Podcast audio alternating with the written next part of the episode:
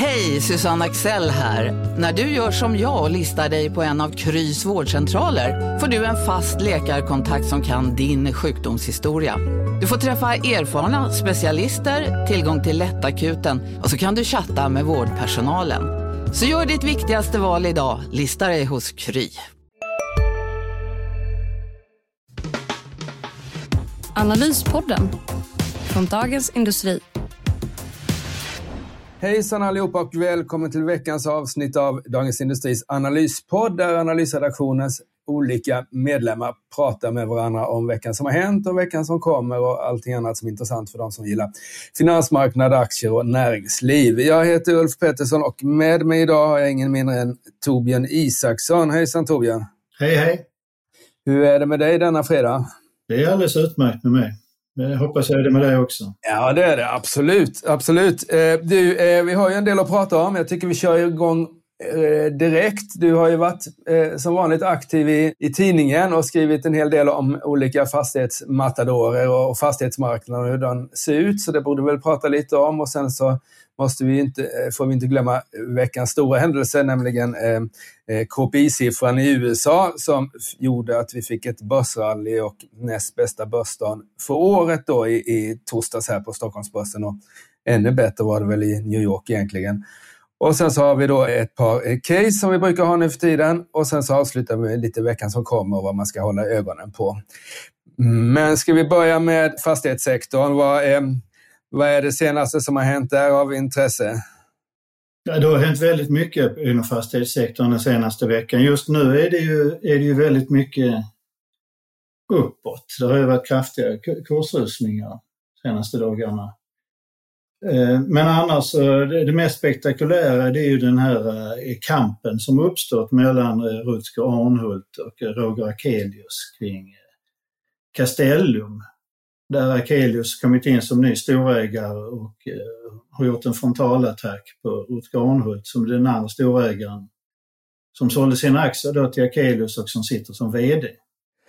Ja, och den som bestämmer nu är ju Akelius för han har 11 procent och eh, Rutger har väl bara 5 även om det kanske finns lite, lite familjeaktier också. Så där, va, va, det här kan ju inte liksom har du någon, någon tanke kring hur det blev så här? För jag menar, de gjorde ju ändå upp affären och då måste de ju ändå ha pratats vid. Och så kommer Roger, som du säger här, eh, bara några dagar senare och pratar om att Castellum ska avskaffa utdelningen som har varit deras signum egentligen. De, det var ju liksom den utdelningsaktien som alla pratade om för några år sedan.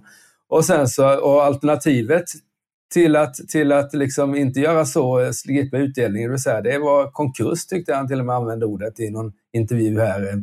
Eh, eh, vad, vad, har du någon spekulationer du kan ha, vad är liksom, finns det någon, någon bakomliggande agenda eller vad, vad, vad, vad, är det som händer? Han har ju gått ut extremt hårt här, just när han talar om att eh, det här bolaget som nästa år alla förväntat sig ska bli den första utdelningsaristokraten som har höjt utdelning 25 år i rad. Och han säger att de, riskerar att gå i konkurs om de delar ut pengar. Eh, det, det är ju svårt att dra någon annan slutsats om man tittar på vad de har sagt tidigare. När, när de gick in i bolaget pratade de om att det var ju bra direktavkastning och det var ett fint bestånd och så vidare. Sen helt plötsligt tycker han att det är jättedåligt. Det, det mest troliga är väl att han, eh, han vill ju fortsätta öka sitt inflytande i Castellum och då, då är han intresserad av att hålla ner kursen. Och Rutger Arnhult är helt beroende av att få en utdelning för att han sitter finansiellt dåligt till. Och det är samma trick har ju Akelius gjort tidigare när han var med i en busstrid till exempel kring Mandamus. Så att det är inget, det är inte helt nytt att han gör den här typen av utspel minst sagt stökigt i, i Castellum. Men hur kommer, vad kommer hända här och vem är det som bestämmer och vem sitter på de bästa korten? Ja, det gör ju utan tvekan Roger Akelius för han äger ju mycket mer aktier. Och medan då Rutger Arnhult eh, har ju kört gasen i botten väldigt länge och har hög belåning så sitter Roger Akelius på den största kassan någonsin i svensk fastighetsmarknad sedan han sålde sina bostadsfastigheter till Hemstaden. Så att det finns ju ingen som är i närheten av den finansiella styrkan som Roger Akelius har och den kommer han ju säkerligen att utnyttja på, på olika sätt framöver. Han har ju till och med lyckats tjäna ytterligare en 20 miljarder på skillnaden mellan dollar och kronor. Så att han är så enormt finansiellt stark i förhållande till alla andra aktörer på fastighetsmarknaden just nu. Just det. Och det här att, att han så att säga eh, köper aktier och sen så pratar ner kursen eh, och sen så eh, sannolikt då ska köpa fler aktier. Det är ju inte så att säga första gången han gjort det. Han gjorde det i en tidigare fastighetsräd, var det inte så för ett antal år sedan? Och han, han är ju extremt skicklig på det här med olika maktstrider. Han var ju bland annat inblandad i en för ganska exakt 20 år sedan kring Mandamus och där var han också ute och ville sänka utdelningen. Vilket ju slog hårt mot eh, LRF som han slogs med den gången. Just det. Och om vi tittar här då eh, eh, så har du ju då Akelius på 12 procent och så sitter Rutger på ungefär hälften och så kanske det finns lite kompisar till honom då. Men det är ju ganska många aktier som är, eh, som är kvar upp till 100 procent här. Men det är klart att Rutger är inte bästa kompis med alla i, i, i finans och fastighetssektorn. Han kom ju in på i, i Castellum lite sådär brottades in lite grann och eh, fick vdn avgå nästan på dagen och sådär. Eller hur, hur, vad är din känsla kring Rutger och hans, hans renommé? Alltså Rutger är ju känd för att ha varit eh, det som på skånska heter KG. Han har ju konsekvent bråkat ganska mycket med väldigt många, inte minst när det gäller Castellum där den tidigare VDn Henrik Saxborn bland annat lämnade. Sen sparkade han Rutger själv, den, den VD som skulle ta över satte in sig själv som VD. Ja, och sånt där är ju liksom inte något som rimmar särskilt väl med, med den svenska eh, bolagskoden och sånt där som vi brukar, Nej, det, är, prata om. det är väl ändå ganska ovanligt att någon eh, agerar som Rutger gör och då skapar man ju sig en hel del fiender i marknaden och det, det kan ju straffa sig i de här lägena. Spännande. Så vad, vad, är det som vi väntar på nu då? Vad tror du kommer hända här och hur länge kan den här striden hålla på? Eller är den till och med redan avgjord? Det vill säga att Akelius är så pass, jag menar, att köpa eh, fler aktier och till och med ta, ta riktig kontroll över bolaget, det är ju kaffepengar för Akelius som du säger efter den här 90 miljarders affären eller vad det var med, med Heimstaden. Det är ju lite beroende på hur han bedömer marknaden. Han har fortsatt eh öka sitt innehav efter affären med Rutger Arnhult. Men han säger ju, och det är ändå ganska många andra också som tror att det kan ju komma ytterligare eh, sättningar i fastighetskurserna. Så att han, har, han, kan ju, han kan både agera nu och han kan vänta in senare. Men sen måste ju Rutger komma med någon slags motdrag och vad han kan göra där. Och det, det, handlar väl mycket just om det han kan göra främst, det är väl återskapa ett förtroende kring sig själv och och aktien och där, därmed få upp värdet. Och då stabiliserar han ju lite sina egna finanser och man kan visa att det är inga problem med utdelning så skulle det betyda väldigt mycket för honom. Och för andra aktieägare som, som har köpt aktien för att de vill ha utdelning. Mm. Spännande. Vi ska inte eh, göra om den här Börspodden eller Analyspodden till en fastighetspodd, men eh, vi har ju ändå, eh, jag noterade att Erik Selin har ökat i Entra och sen så Serneke skrev eh, ändrade om sin, sin aktie här från A till B-aktie så röst, röstandelarna gick ner där för Serneke. Är det någonting som du också tycker är liksom värt och, och intressant att, att diskutera? Ja, det, det är det ju. För att nu släpper han ju han hade ju över, Ola Serneke hade ju över 50 procent i, i Serneke och nu går han ner till 21. Så att han tappar i sitt inflytande. Han har ju tidigare tvingats avgå som VD. Och det går ju väldigt dåligt för Serneke också, precis som det gör för många andra byggbolag. Framförallt de här lite mindre byggbolagen är ju väldigt pressade nu. Och där kommer det antagligen att ske vissa strukturaffärer framöver.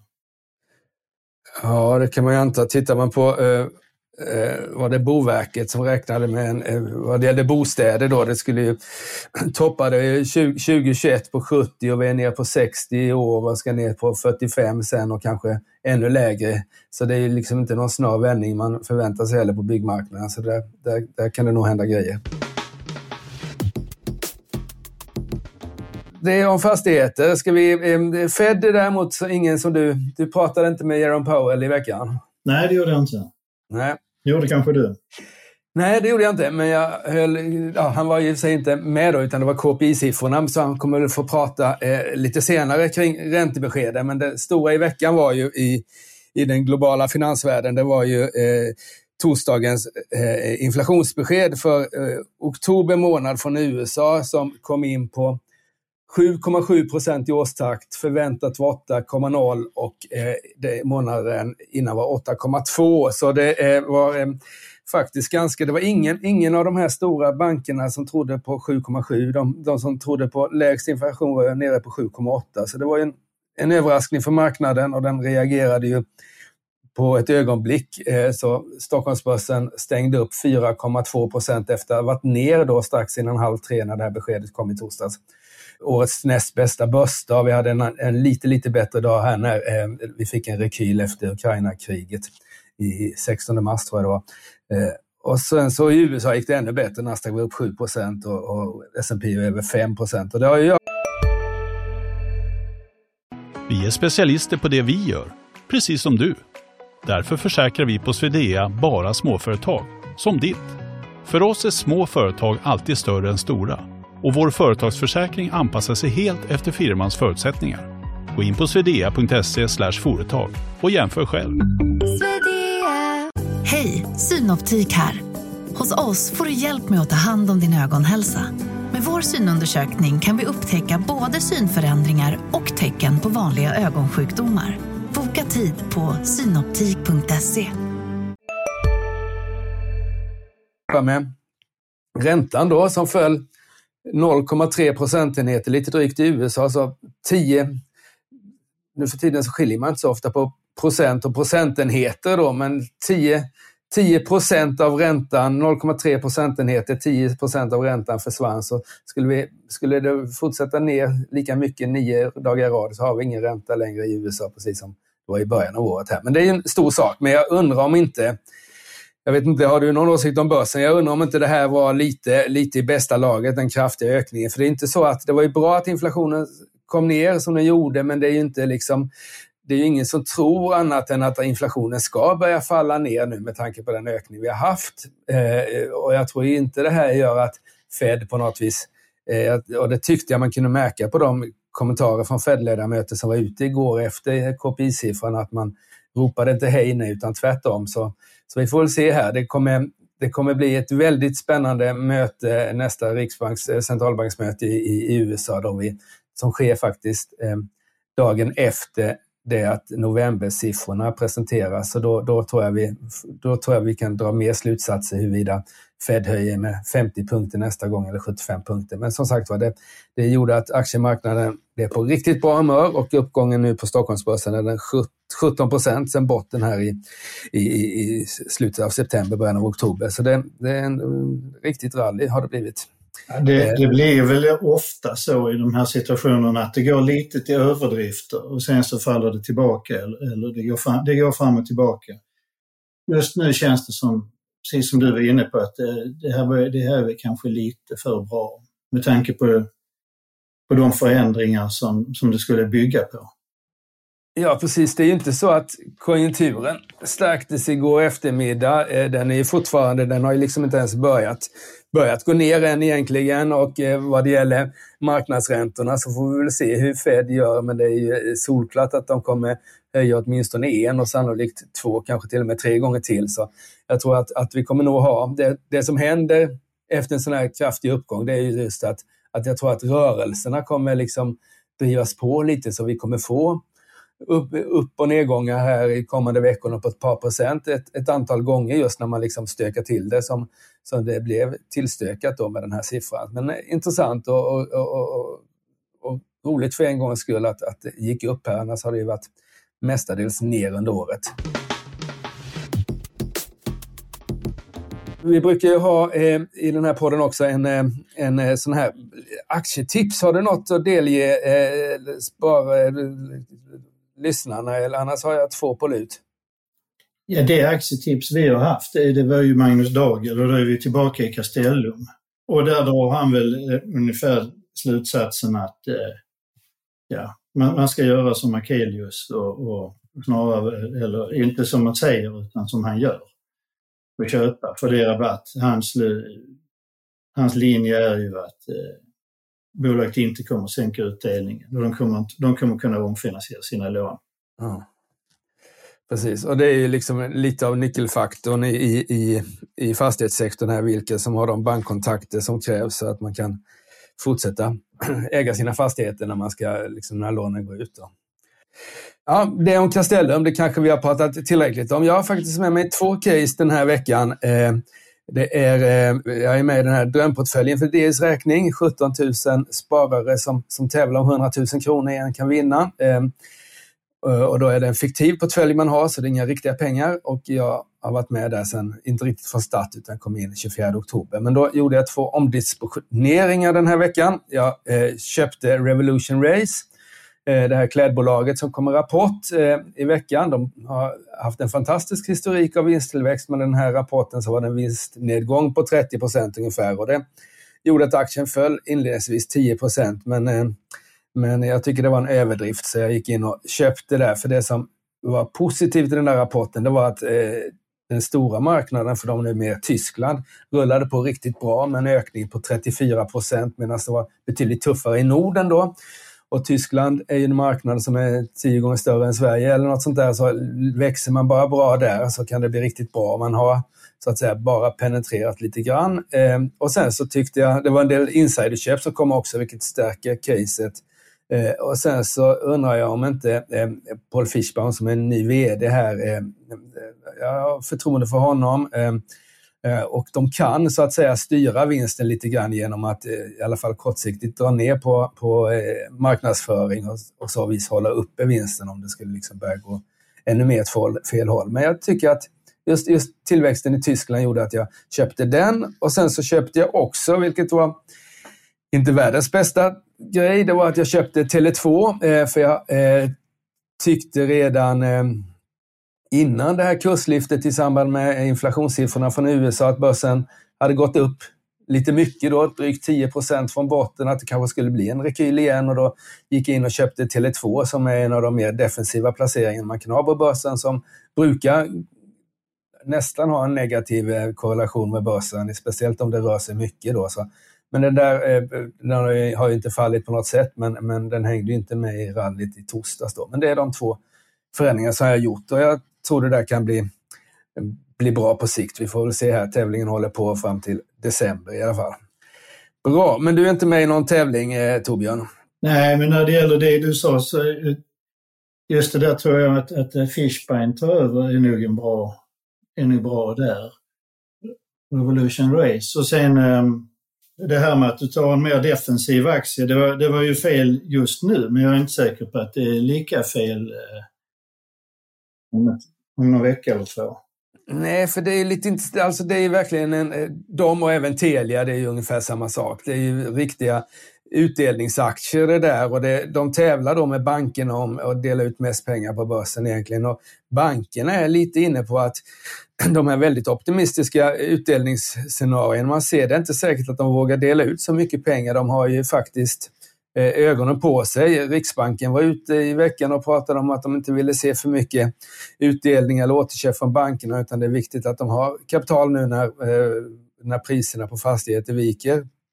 Eh, Finansinspektionen har väl haft samma, samma åsikt tidigare. Och det är klart att, att de är ju inte, de är inte helt tondöva eh, på bankerna, så de inser nog att det ser ju inte bra ut om, om alla andra bolag 2023 kommer att tappa, minska vinsten och så går då bankerna mot något slags rekordår, utan då tror jag man får hålla igen lite grann. Och då ska man i så fall ha högutdelare så är det teleoperatörer som inte är så att säga under Riksbankens eh, lupp. För bankerna känns det väl lite som under coronan där när det var hård press på att de skulle hålla igen.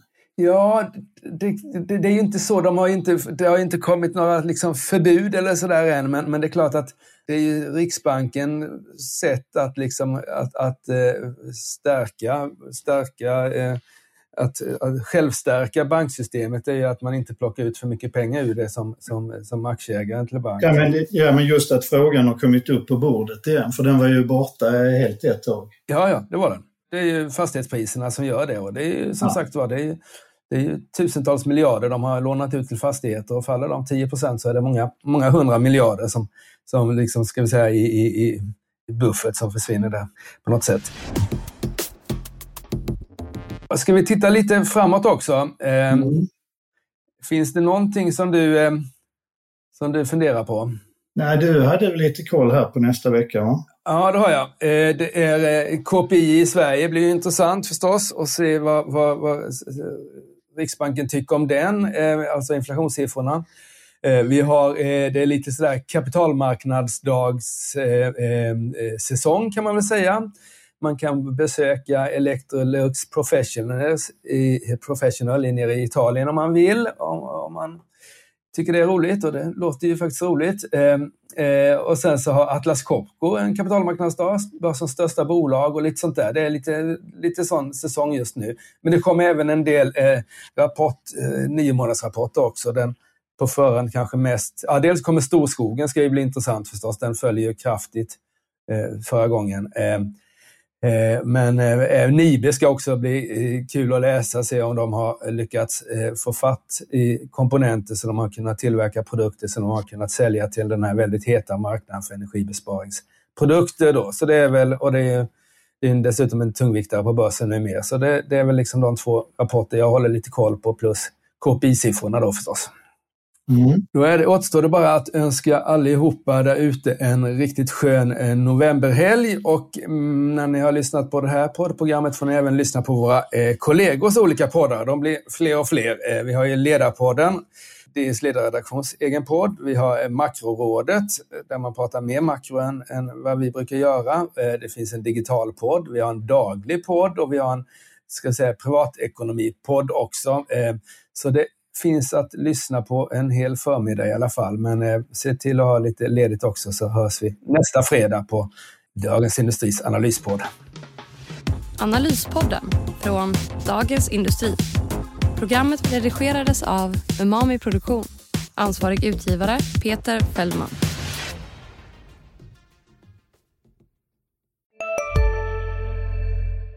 Redo för sportlovets bästa deal? Ta med familjen och njut av en Big Mac, McFeast eller Cooper Cheese och Company plus en valfri Happy Meal för bara 100 kronor.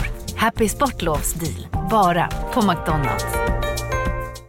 Ni är med om det största och det största är den minsta. Ni minns de första ögonblicken och den där blicken gör er starkare.